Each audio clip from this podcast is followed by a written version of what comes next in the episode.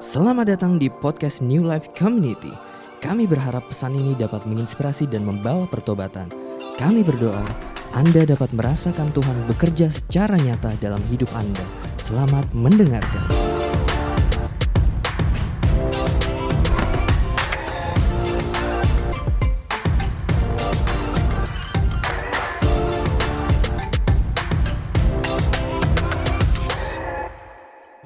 Judul yang uh, saya diberikan uh, untuk hari ini adalah uh, hustle culture gitu ya. Atau kita sering dengar hustle culture atau atau ini sangat sangat tren gitu ya. Lagi tren belakangan ini kita lihat di mana-mana yang namanya hustle culture. Especially atau secara spesifik ini sebenarnya ada di uh, Amerika Utara atau di di Amerika Serikat to be to be exact. Karena di sana yang disebut sebagai hustle culture adalah orang-orang uh, mengejar mimpinya, mengejar bisnisnya, memperbesar bisnisnya, memperbesar uh, kapasitas dirinya dan dan men menjadi mencoba menjadi perform lebih baik dari sebelumnya dan dan uh, mereka sebut ini sebagai hustle dan ini sebagai sesuatu yang membanggakan gitu. Ketika ada seorang yang dibilang oh dia lagi hustling, dia lagi hustle di mana dia lagi mengejar, dia lagi habis-habisan mengejar mimpinya, mengejar performa yang baik itu sebagai sesuatu yang tren dan dan dianggap sebagai sesuatu yang baik. Namun tidak menutup kemungkinan kalau kamu cek ada beberapa yang mulai memberikan concern dengan hasil culture ini karena biasanya mereka uh, mengorbankan lebih banyak dari apa yang mereka dapat ketika mereka melakukan hustle atau mengejar yang uh, yang apa namanya mengejar dengan obses seperti itu. Nah, ketika saya mau bawa ini ke ke sini ya ke situasi kita di Indonesia, saya saya ngelihat hustle atau hustling atau ya yang kita sebut dengan hustle itu adalah salah satu perangkap waktu kita menyelesaikan hari-hari kita, waktu kita menjalani hari-hari kita. Iya ada satu perangkap yang namanya hustle yang akan kita bahas lebih lanjut, tapi kita akan melihat ada beberapa perangkap lain yang membuat waktu kita habis, yang membuat kita tidak bisa menjalankan fungsi kita sebagaimana Tuhan mendesain kita di mana pun kamu berada. Jadi Tuhan mendesain kamu ada fungsi kamu di kantor kamu, Tuhan mendesain kamu ada fungsi kamu di kampus kamu, Tuhan mendesain kamu ada fungsi kamu di Youth Arrow, tapi apakah kita menghidupi desain tersebut atau tidak? Nah sering kali ada beberapa perangkap yang membuat kita tidak berfungsi sebagaimana desainnya Tuhan. Oke? Efesus 5 ayat 15 sampai 17 berkata seperti ini. Karena itu perhatikanlah dengan saksama bagaimana kamu hidup, janganlah seperti orang bebal, tetapi seperti orang arif dan pergunakanlah waktu yang ada karena hari-hari ini adalah jahat. Ayat 17 sebab itu janganlah kamu bodoh tapi usahakanlah supaya kamu mengerti kehendak Tuhan. Jadi hati-hati di, di Efesus dikatakan hati-hati dan perhatikan bagaimana kamu hidup, pergunakan waktu yang ada. Again, ketika bicara hustle menurut saya satuannya adalah waktu. Karena ketika uh, orang yang masuk hustle culture dia menghabiskan waktunya untuk perform better, untuk achieve better, untuk menjadi the best version dari dirinya sendiri dan dia menghabiskan waktunya untuk hal seperti itu. Di Efesus 5 secara gamblang ditulis bahwa pergunakan waktu yang ada karena hari-hari ini adalah jahat. Dari zaman Rasul Paulus sampai hari ini, hari-hari ini adalah hari-hari yang jahat. Jangan kamu bodoh tapi usahakanlah supaya kamu mengerti kehendak Tuhan. Oh, ada satu kata kunci besar untuk kita memahami perangkap-perangkap waktu di sini ketika dibilang bahwa supaya kamu mengerti kehendak Tuhan. In the end, menghabiskan waktu kita bukan apakah saya harus melakukan A atau melakukan B. Bukan bukan cuma soal uh, saya mendingan uh, kejar bisnis baru apa jalanin yang sekarang. Saya mendingan ganti jurusan apa tidak. Saya mendingan mulai dari sekarang apply ke perusahaan itu atau tunggu dulu. Saya saya sudah mulai siap berkeluarga atau nanti dulu. Lebih daripada waktu atau season, tapi yang penting adalah mengerti kehendak Tuhan. Saya mau bawa sampai ke pemahaman bahwa kita akan melihat perangkap-perangkap waktu ini bahwa yang lebih penting waktu kamu kamu habiskan buat apa? Gimana ya supaya saya bisa produktif? Gimana ya saya supaya bisa upgrade? Gimana ya supaya saya bisa maju? Saya bisa jadi berkat. Lebih dari itu semua, mengerti kehendak Tuhan. Oke? Kita masuk ke perangkap pertama. Saya nggak akan baca full perumpamaan ini, tapi saya akan uh, saya akan berikan tiga tiga peristiwa di mana Yesus berbicara dengan beberapa orang yang kena perangkap, kena jebakan gitu ya. Jebakan Batman. Ada beberapa orang yang kena jebakan. Matius 24. Eh Matius 25, sorry. Matius 25 ayat 24 sampai 27. Saya akan bacain aja, cuma ada ayat 25 di sini. Ayat 24 datanglah juga hamba yang satu talenta. If you know the story, please baca sendiri kalau kalau uh, kamu belum tahu. Dan berkata Tuhan, aku tahu bahwa Tuhan adalah manusia yang kejam dan menuai di tempat di mana Tuhan tidak menabur dan memungut dari tempat di mana Tuhan tidak menanam. Ayat 25, karena itu aku takut dan pergi menyembunyikan talenta Tuhan itu ke dalam tanah ini. Terimalah kepunyaan Tuhan, kata hamba yang menerima satu talenta. Maka jawab tuannya itu, hai kamu hamba yang jahat dan malas. Hamba yang jahat dan malas. Jadi kamu sudah tahu bahwa aku menuai di tempat di mana aku tidak menabur dan memungut di tempat di mana aku tidak menanam.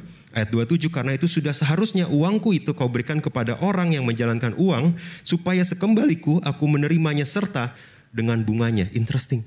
Karena si hamba ini nggak bilang dia memfoya-foyakan atau dia menghambur-hamburkan talenta tuannya loh. Dia cuma kubur dia malas ngerjain apa yang sudah dipercayakan sama dia, dia cuma kubur. Dan di perumpamaan ini Yesus bilang, hai hambaku yang jahat dan malas. So interesting, bukan cuma jahat. Malas pun ada di kategori yang sama dengan jahat di mata Tuhan ini. Dalam perumpamaan ini kita melihat bukan cuma, oh udah gue mang tidak sedosa dia, you know. Oh saya udah pelayanan, saya setiap minggu ibadah gitu ya. Uh, on site lagi gitu kan dia mah masih online gitu ya. Habis itu dia masih suka judi lagi gitu kan. Saya dong udah enggak, hey careful. Karena orang yang malas ada di kategori yang sama dengan orang yang jahat. Very good. Perangkap pertama adalah jebakan perangkap kemalasan. So, waktu-waktu kita bisa habis karena kita malas. Waktu saya dapat hustle culture sebagai tema, saya sudah pernah bawa ini di, di tempat saya sendiri. Saya melihat bahwa di Indonesia mungkin untuk beberapa segmen, untuk beberapa orang, iya betul, kita terperangkap hustle culture kayak kayak di US. Tapi sebagian besar kita terperangkap dalam kemalasan. Secara kultur, Indonesia ada dengan uh, productivity terendah di ASEAN, di negara Southeast Asia. Jadi kalau lihat Human Development Index, kalau kamu cek, uh, hasil World Bank uh, di 2021 saya cek baru kemarin. Jadi kita ada di urutan of course di belakang Singapura, Brunei, Malaysia, Thailand, baru Indonesia gitu. Dan agak jauh gitu. Kita peringkat 107 or something. Dari 140 uh, atau 150-an negara. So we are not there. Orang Indonesia secara kultur malas. Oke? Okay? Dan apakah kamu bulan Mei kemarin merasakan begitu banyak liburan? cuti paling banyak dalam sebulan gitu ya. Sorry, libur hari libur nasional paling banyak dalam sebulan itu ada di Indonesia. Secara kultur kita tidak produktif. Oke? Okay?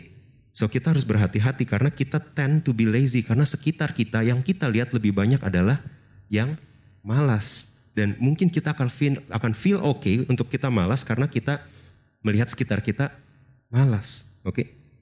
Jebakan ini membuat kita merasa kita masih muda. Ini diot kan ya merasa kita masih muda dan masih punya banyak waktu untuk berubah and get serious in life. You know, nanti saya serius kalau saya sudah jomblo emas gitu. Ya. kalau saya sudah 30 saya akan mulai serius lah. Saya mau mau bidang apa nih? Mau mau mau kejar apa gitu. Saya mau bisnis apa nantilah. Sekarang saya enjoy dulu. Kan pengkhotbah bilang, you know, mulai bawa-bawa ayat gitu ya. Segala sesuatu ada waktunya, ada waktu untuk bermalas-malasan enggak ya? Enggak ada waktu untuk bermalas-malasan, right? Cuma kita berpikir bahwa kita saya masih muda. Nanti you know, nanti kalau saya udah mulai kerja, nanti kalau saya udah mulai buka usaha, nanti kalau saya udah menikah baru saya get serious with life. Ini jebakan pertama, perangkap kemalasan. Kita merasa kita masih muda.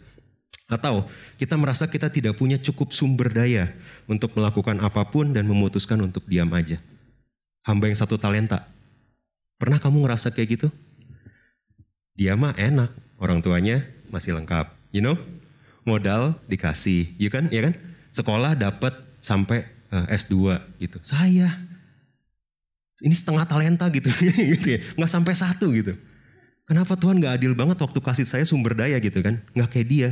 Dia bisa pinter, dia jadi berkat, uh, investasinya banyak. Saya buat sehari-hari aja susah. Hei, ini adalah perangkap kemalasan bahwa kamu kita berpikir bahwa Tuhan tidak cukup adil dan tahu bahwa berapa besar yang kamu bisa handle itu yang Tuhan percayakan. Kalaupun Tuhan mempercayakan sedikit, di Korintus berkata, dia mem, dia memakai orang yang bodoh bagi dunia untuk mempermalukan orang yang berhikmat. Tapi kita nggak suka ayat-ayat kayak gitu. Kita berpikir, oh saya mah lebih bodoh. This is who I am. Tuhan menerima saya apa? Adanya. Is that true? Is that true? Enggak loh. Tuhan tadi bilang apa? Hai hamba yang malas, saya kasih kamu satu talenta bukan berarti saya menerima kamu apa adanya di satu talenta. Very good. Hati-hati dengan jebakan kemalasan cuma karena kamu nggak punya sumber daya, kamu nggak sepintar teman di sebelah kamu, kamu nggak sepintar koko kamu, cici kamu, adik kamu. It doesn't mean kamu bisa bermalas malasan. Yang lebih parah, iman dan kedaulatan Tuhan membuat kita merasa aman untuk tidak melakukan apa-apa. Saya bawa ke level yang paling bahaya ya. Kamu belum cari kerja, tunggu waktunya Tuhan gigimu gitu kan. no, no. Kamu betul kamu tunggu waktu Tuhan. Ada kairos Tuhan. Saya tidak mempermasalahkan itu. Ada waktu Tuhan memberikan momen dan intervensi hidupmu. But you need to go out there and do something. Kita perlu keluar dan belajar. Kita perlu keluar dan apply. Kita perlu keluar dan ngelamar kerja. Kita perlu keluar dan ambil kursus. We need to do that. Oke? Okay? Iman dan kedaulatan Tuhan membuat kita merasa aman untuk tidak melakukan apa-apa. Oh, gereja kamu atau komunitas kamu nggak berubah, iya, tunggu lawatan Tuhan, gitu ya. No, no. Kamu uh, apa? Kamu nggak nggak nggak cari pasangan? Iya, Tuhan belum kasih sih pasangan buat saya. Is that is that true? Karena Yakobus 2 ayat 14 sampai 16 berkata, "Apakah gunanya saudara-saudariku jika seorang mengatakan bahwa ia mempunyai iman padahal ia tidak mempunyai perbu Oke? Okay? So saya mau saya mau kemukakan ada beberapa waktu mungkin setiap kita bersembunyi di balik iman bahwa Tuhan akan menerobos hidup saya. Saya tunggu panggilan retret. Saya maju, saya ditumpangi tangan, saya saya pulang, saya akan dapat terobosan. Is that true? Most of the time, most of the time kita yang perlu membuat melakukan sesuatu dan keluar dari kemalasan kita. Kamu yang beriman suatu hari ketemu pasangan yang tepat, Pertanyaannya, sudahkah kamu membenahi diri hari ini? Jangan sampai Tuhan kirim pasangan yang tepat, kabur dia. Karena ngelihat kamu tidak tepat. Halo. Kamu yang beriman untuk membangun usaha, sudahkah kamu belajar membangun koneksi, cari mentor yang sudah memulai usaha dan gagal? Atau memulai usaha dan berhasil, tanya-tanya, berapa sih modal yang diperlukan? Laku gak sih kalau jualan online? Berapa banyak sih? Dulu awal-awal sesusah ini gak sih? You know, ask. Kamu yang beriman melihat pertumbuhan di gerejamu, sudah spend waktu belum? Mendengar dan menguatkan teman-teman di kanan kiri kamu. Kamu beriman gereja ini akan tumbuh, youth ini akan maju, dewasa muda ini akan menjadi berkat. Have you spend your time untuk berdoa, menguatkan, mendengarkan teman-teman kamu? Oke? Okay? Kamu yang beriman, suatu hari keluargamu akan diubahkan kamu makan malam masih main HP nggak sama orang tua? Gimana caranya orang tua bertobat? Gimana caranya orang tua berubah ketika setiap kali kamu pergi sama mereka, it's your phone. 100% of the time kamu scroll, scroll, ngobrol, scroll, ngobrol. Hah iya, iya mi, serami, bebas. Oke pi, bebas. You know, gimana caranya keluarga, sebuah keluarga bisa direstorasi sama Tuhan ketika you do not put your phone down di waktu-waktu itu. Oke? Okay? Kamu yang beriman untuk hidup jadi berkat untuk orang lain, udah menabung belum? Jadi berkat buat orang lain tuh bisa kasih nasihat. Ya, udah belajar belum? Jadi orang lain tuh jadi berkat buat orang lain bisa dengan finansial. Betul, udah nabung belum?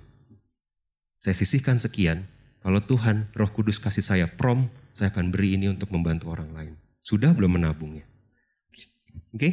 So kita bisa melihat bahwa iman dan kedaulatan Tuhan Jangan sampai membuat kita merasa terlalu aman dan kita tidak melakukan apa-apa.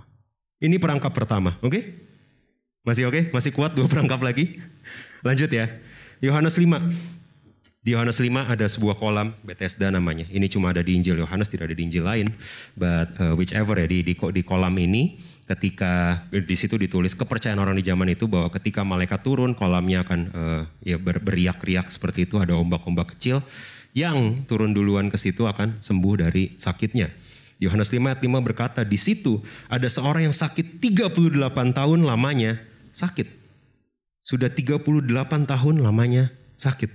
Ketika Yesus melihat orang itu berbaring di situ dan karena ia tahu bahwa ia telah lama, garis bawahi kata lama, dalam keadaan itu berkatalah ia kepadanya, maukah engkau sembuh? Wow, Yesus nanya itu nggak ada yang asal nyeplos ya. Yesus nanya tuh dengan ada objektif dan dia mengetahui kondisi hati orang tersebut. Setiap kali Yesus bertanya, kalau kamu perhatikan ada makna yang jauh lebih dalam daripada apa yang dia tanya. Seperti waktu Allah berjalan-jalan dan bertanya, Adam, di mana kamu? Ada, ada makna yang jauh lebih dalam di balik pertanyaan-pertanyaan itu. Ketika Yesus bertanya, maukah engkau sembuh? Kalau kamu jadi dia jawab apa? Bro, enggak gue tidur-tiduran doang di sini. Emang enak aja adem gitu ya. Enggak kan? Ya of course gue mau sembuh. Makanya gue ada di sini, betul? Itu yang kita pengen. Tapi ayat 7 kalau kamu perhatikan, orang sakit itu menjawab apa? Jawab orang sakit itu kepadanya, Tuhan, tidak ada orang yang menurunkan aku ke dalam kolam itu apabila airnya mulai goncang. Dan sementara aku menuju kolam itu, orang lain sudah turun mendahului aku. He didn't answer the question. Pertanyaannya adalah, maukah engkau sembuh? Itu pertanyaan paling simpel yang jawabannya mau atau tidak. Pertanyaannya, jangan-jangan orang ini sudah terlalu nyaman di pinggir kolam. Ketika Yesus bertanya, maukah engkau sembuh? Jawabannya, ada orang lain, saya selalu diduluin gitu. Saya selalu paling terakhir gitu kan.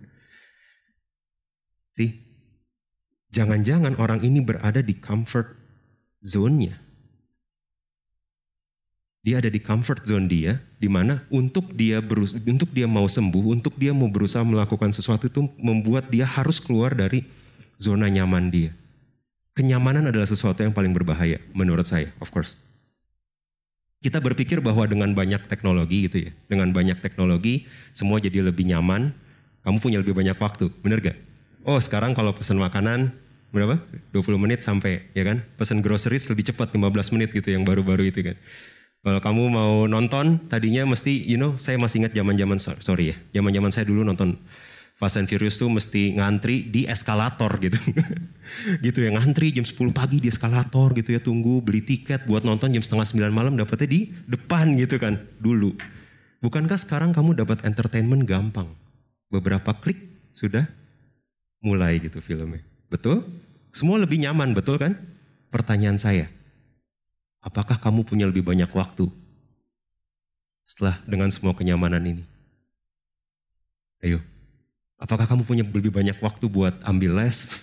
punya lebih banyak waktu buat baca Alkitab? Oh, karena dulu saya kalau mau makan, saya mesti keluar mobil, parkir atau atau naik Transjakarta, whichever. Saya mesti saya mesti uh, jalan ke ke depan, makan di warung, pulang, habisin waktu. Sekarang dengan cepat. Oke, okay, oke, okay, fine. Sudah lebih nyaman. Pertanyaannya, do you have more time? or even less today. Ayo, kalau mau jujur saya melihat diri saya, saya bahkan even punya punya waktu yang jauh lebih sedikit dibanding dulu. Karena jauh lebih banyak yang perlu saya lihat, jauh lebih banyak yang perlu saya scroll, jauh lebih banyak yang perlu saya komen dibanding sebelumnya. Oke, okay? so ini adalah perangkap kenyamanan. Kenyamanan justru membuat kita kehilangan kehilangan direction sebenarnya kita harusnya ke mana. Dan ini yang kita harus sangat berhati-hati. Comfort zone adalah hal yang sangat berbahaya. Comfort zone adalah sangat adalah hal yang sangat berbahaya. Oke, okay? ketika kita ada di comfort zone, kita nggak kita bahkan kehilangan waktu. Dengan kenyamanan membuat kita malah sering kali kehilangan banyak waktu. You see your time. Kamu kamu lihat sendiri waktu kamu saat saat ini. Poin saya adalah sering kali kita menutupi atau kita sulit membedakan bersyukur senantiasa dengan cepat puas. Sorry, sering kali kita sulit membedakan bersyukur senantiasa dengan cepat puas. Kenyamanan sering kali berarti bahwa oke, okay, saya udah cukup, saya udah melakukan enough. Saya orangnya bersyukur senantiasa. Gak dapat kerja, bersyukur. Pelayanan uh, temen gak ke gereja lagi, ya bersyukurlah. Yang penting dia belum pindah agama gitu. Orang tua ribut, berantem, ngelawan orang tua, bersyukurlah setidaknya saya punya orang tua. Saya orangnya penuh pengucapan syukur, hati-hati. Kita perlu membedakan mana bersyukur senantiasa, mana cepat puas. Saya ada satu prinsip yang saya ingat terus bahwa untuk untuk hal yang tidak bisa kamu ubah, bersyukur senantiasa. Perhatikan baik ya. Untuk hal yang tidak bisa kamu ubah, bersyukur senantiasa. Kondisi keluarga kamu, kaya, miskin, lengkap, tidak lengkap kamu di kantor, di PHK atau tidak itu banyak kali di luar kendali kamu. Kamu dapat studi yang kamu mau atau tidak cukup untuk untuk meneruskan itu di luar kendali kamu. Bersyukur senantiasa. Untuk apa yang kamu bisa lakukan, jangan cepat puas. Oke? Jangan cepat puas. buat yang melayani di depan, jangan cepat puas. Saya udah paling jago main gitarnya di sini gitu ya. Saya udah paling jago, just, just example. Saya udah paling jago main drumnya. Saya nggak perlu latihan-latihan lagi. Inggris saya udah paling bagus gitu ya. Saya nggak perlu belajar lebih banyak. Oh saya udah paling pinter kalau soal marketing. Saya nggak perlu belajar lebih banyak. Hati-hati untuk hal yang kamu bisa lakukan. Jangan cepat puas. Very good. Karena ini yang namanya zona zona nyaman. Oke. Okay?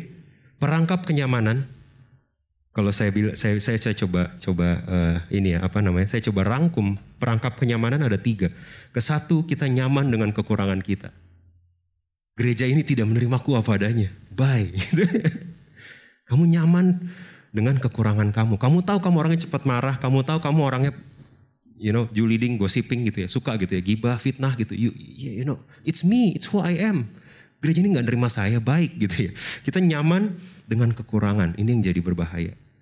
Atau kita berdamai dengan dosa ini lebih jauh lagi. Careful. Berdamai dengan dosa kita. Ya udahlah ya. Udah dua tahun kan gak ada yang tahu kan? Gak ada konsekuensinya kan? Udah belasan tahun. Ya udahlah ya. Kayaknya sih gak apa-apa diterusin. You know, kita berdamai dengan dosa. Kita nyaman dengan kekurangan. Kita puas dengan pencapaian. Ya udah gue mah segini. Gue emang dikasihnya setengah talenta. Bagus jadi 0,7 talenta Tuhan. Gitu kan. Hati-hati ya. Ini adalah perangkap-perangkap kenyamanan. Ketika kamu nggak mau keluar dari comfort zone kamu. Pertanyaan saya adalah, berapa banyak dari kamu yang punya comfort friends hari-hari ini? Kamu tahu kalau kamu cerita ke orang yang ada di tempat ini, kamu pasti ditegur. Makanya kamu punya satu grup sendiri yang kalau kamu nyampah di situ, mereka akan iya lu kasihan banget. Orang tua lu emang aneh gitu ya. Ketua youth lu emang aneh banget gitu ya. Masa ketua youth kayak gitu? kamu punya berapa banyak dari kamu yang punya comfort friends? Kamu tahu kalau kamu cerita di sini, orang-orang di sini akan menegur kamu, orang-orang di sini akan bilang, "Hey, jangan terlalu baper lah, Bro." Mungkin dia juga lagi ada masalah, kan lu nggak tahu. Hey, kamu itu nggak enak ya didengar ya? Lu nggak ngertiin gue, dengerin gue dulu dong, gitu kan. Tapi you have some comfort friends yang nggak pernah rebuke kamu, nggak pernah negur kamu, nggak pernah bawa kamu, ngajak kamu ke gereja, yang justru kalau kamu bilang minggu ke mana ya, yuk kita ke sini gitu, dia lebih cepat. You have berapa banyak dari kita yang punya comfort friends yang selalu mengerti dosa kamu. Mungkin kalau Yesus datang ke kita yang dalam kondisi itu, pertanyaan dia tadi kan maukah engkau sembuh? Buat kamu yang punya comfort friends, mungkin pertanyaan Yesus ke kamu adalah maukah engkau jadi dewasa? Mungkin kalau kamu harus jadi dewasa, kamu harus berdiri pergi dari comfort friends tersebut. Halo, kamu yang punya comfort sin yang gak pernah kamu pertobatkan, maukah kamu bebas? Pertanyaan ini juga buat saya sendiri. Saya adalah senior, bukan guru gitu, bukan teacher. Yang eh, guru agung kita, Yesus saya suka sekali prinsip itu. I'm a senior, saya juga masih masih ada beberapa comfort sin yang saya perlu berurusan. Pertanyaannya adalah, maukah kita berurusan sama comfort sin? Kalau Yesus datang ke saya, ke kamu, mungkin pertanyaannya adalah, maukah kamu bebas? Kamu yang punya comfort habit, habit shopping, habit gossiping, juliding, fitnahing, gibahing, maukah engkau bebas? Gak enak kan kamu ngobrol sama orang, shalom apa kabar, gimana kerjaan lu? Padahal kemarin kamu baru julitin dia. You know, a true love tidak akan bisa tumbuh di tempat yang kayak gitu. Maukah engkau bebas? Dan yang paling parah, seperti orang yang lumpuh tadi, Beberapa dari kita, saya juga dulu kayak gitu. Saya pernah ada di posisi itu. Saya tahu season yang seperti itu. Kita punya comfort pain. Saya ulang, kita punya comfort pain. Kita pernah di, di, dikecewakan seseorang dan itu comforting buat kita. Kamu mungkin gak mengaku itu sebagai comfort. Tapi kamu menjadikan ini cerita kamu ke mana-mana. Halo, dulu gue difitnah sama ketua komsel gue sendiri. Pain sakit banget men Oh, oh iya tahun berapa? 97. Eh buset gitu ya. Mohon maaf gitu ya. Hey, ini comfort pain. Hati-hati dengan comfort pain.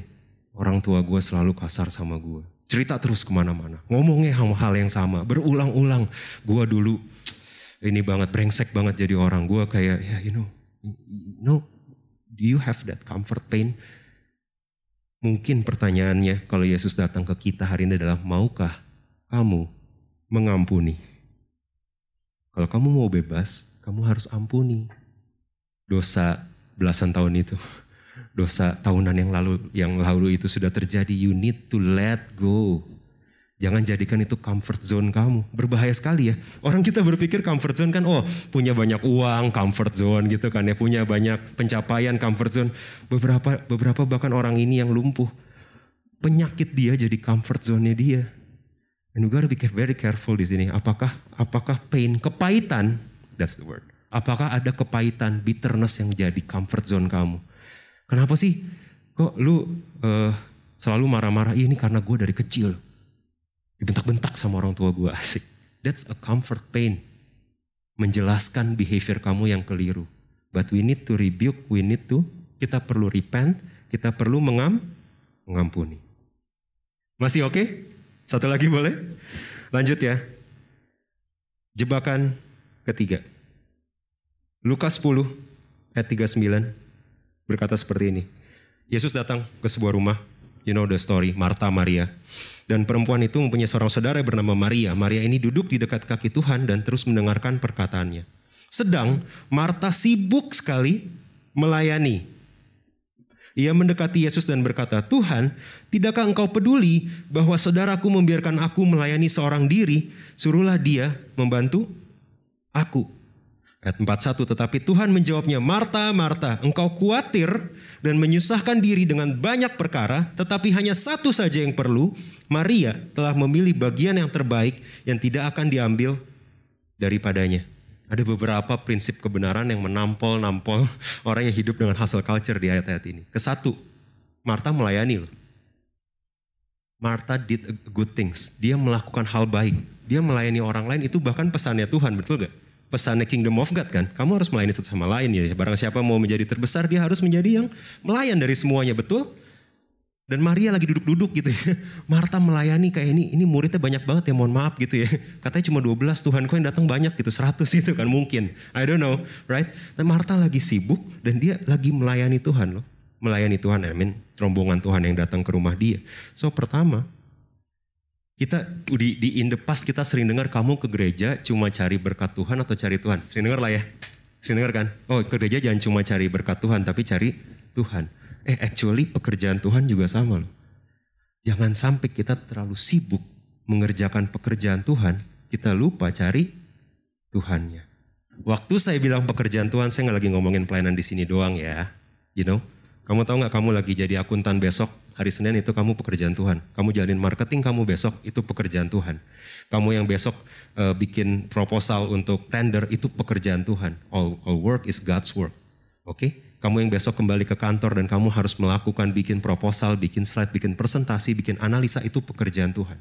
Kuncinya adalah jangan sampai melakukan pekerjaan Tuhan membuat kita lupa cari Tuhan. Oke? Okay? Oke? Okay? And it's good Maria, eh, Maria perlu tahu bahwa di momen tersebut the best thing kata Tuhan, Tuhan menjawab Marta engkau khawatir dan menyusahkan diri dengan banyak perkara. Prinsip kedua yang saya temukan, orang yang sibuk melakukan pekerjaan Tuhan biasanya khawatirnya banyak, betul? Dan menyusahkan diri dengan banyak perkara. Bukankah anxiety level juga naik dengan hasil culture ini? Bagus kalau hasilnya di tempat kerja gitu. Saya sibuk hasil, hasil apa? Scrolling Instagram gitu ya. Ih si dia ke sini katanya gak punya duit. you know? Ada berapa banyak hal yang kamu lakukan terus yang bikin kamu anxious, cemas, khawatir. Dan di sini Yesus bilang bahwa engkau khawatir dan menyusahkan diri dengan banyak perkara. Tapi di momen itu, saya emphasize, di momen itu satu saja yang perlu dan Maria telah memilih bagian yang terbaik yang tidak akan diambil daripadanya. Prinsip ketiga, hal yang terbaik yang tidak akan diambil daripadanya. Hey, semua pekerjaan Tuhan adalah milik Tuhan. Jadi sewaktu-waktu bisa diambil dari kamu. Pekerjaan Marta bisa diambil daripadanya. Apa yang Maria lakukan tidak bisa diambil daripadanya. Saya mau ngomong sama kamu yang lagi pelayanan di gereja. Saya mau ngomong sama kamu yang lagi membangun bisnis. Hey, kamu tahu gak kalau Tuhan bisa mengambil itu kapan aja. Bagian-bagian pekerjaan Tuhan, terserah Tuhan. Hey, kalau Tuhan yang punya, oke okay ya, uh, ini yang nanam si uh, ini ya, siapa namanya? yang nanam boleh si kefas gitu ya. Nanti kalau udah waktunya nuai, Tuhan mau kasih yang lain, boleh nggak? Eh mohon maaf, bosnya siapa gitu kan? Suka-suka Tuhan, betul? Pekerjaan Tuhan adalah punya Tuhan, dia mau kasih ke siapa pun, terserah dia. Ini adalah prinsip yang kita perlu sadar. ada kefas nggak ada kefas gitu kan. Hei ada Tuhan ada yang mau Tuhan kerjakan di tempat ini. Ada saya nggak ada saya di tempat saya melayani di NLC ada ada rencana Tuhan yang tetap harus berjalan di sana. Ini pekerjaan Tuhan. Oke? Tapi di sini dibilang Maria mengambil bagian yang terbaik di momen tersebut. Karena di momen tersebut Yesus lagi datang ke rumah mereka. Waktu Yesus datang, jauh lebih besar dari pekerjaan Tuhan. The best thing that you can do adalah duduk di hadirat Tuhan. Got it? Jauh lebih penting dari sibuk melayani orang lain ketika ada waktu Yesus datang, duduk dan dengerin apa yang Yesus mau. Switch gear. Pertanyaan saya, berapa sering kita berdoa sekarang sebelum meeting? Karena meetingmu bisa diambil, relationshipmu sama Tuhan tidak bisa diambil. Halo, kerjaanmu bisa berubah, relationshipmu sama Tuhan gak bisa berubah. Makanya Maria mengambil tindakan terbaik waktu dia duduk dan dengerin Tuhan waktu Tuhan ada di situ. Oke, okay? oke. Okay? So I, I hope ini menjadi penguatan buat setiap kita, mengingatkan kita bahwa hey hati-hati ada perangkap kesibukan. Beberapa terjebak di perangkap kemalasan, beberapa perangkap kenyamanan, tapi ada perangkap kesibukan. Next slide. Perangkap kesibukan adalah bekerja lebih banyak, untuk melakukan lebih banyak. Ketika kamu melakukan lebih banyak, bukankah kamu menginginkan lebih banyak. Bukankah seperti itu? Pernah nggak berpikir uh, siapa di sini yang udah uh, kerja lebih dari lima tahun? Boleh angkat tangan? Ada? Gak ada? Oh, good. Salah saya artinya. Oke, okay. pernah ada nggak di sini yang sudah mulai bekerja? Satu. Oh, sisanya oh ada beberapa ya. Oke. Okay.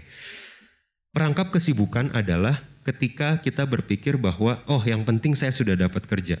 Kalau saya sudah dapat kerja selesai, saya akan hidup dalam damai gitu ya. Yang terjadi adalah ketika kamu di tempat kerja, kamu mulai melihat, oh ada pekerjaan yang lebih baik. Bukankah begitu? Oh ada pekerjaan, ada bisnis yang lebih besar dan ini nggak akan pernah berhenti. Setelah kita work more, we do more, we always want more. Makanya jangan pernah kejar pekerjaannya Tuhan. Kejar Tuhannya. Oke? Okay? Oke? Okay?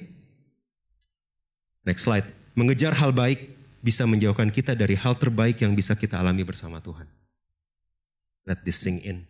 Mengejar hal baik. Hey, mengejar uh, mau punya pasangan hal baik gak? Hal baik. Mau berkeluarga hal baik gak? Hal baik. Mau membangun bisnis hal baik bukan hal baik.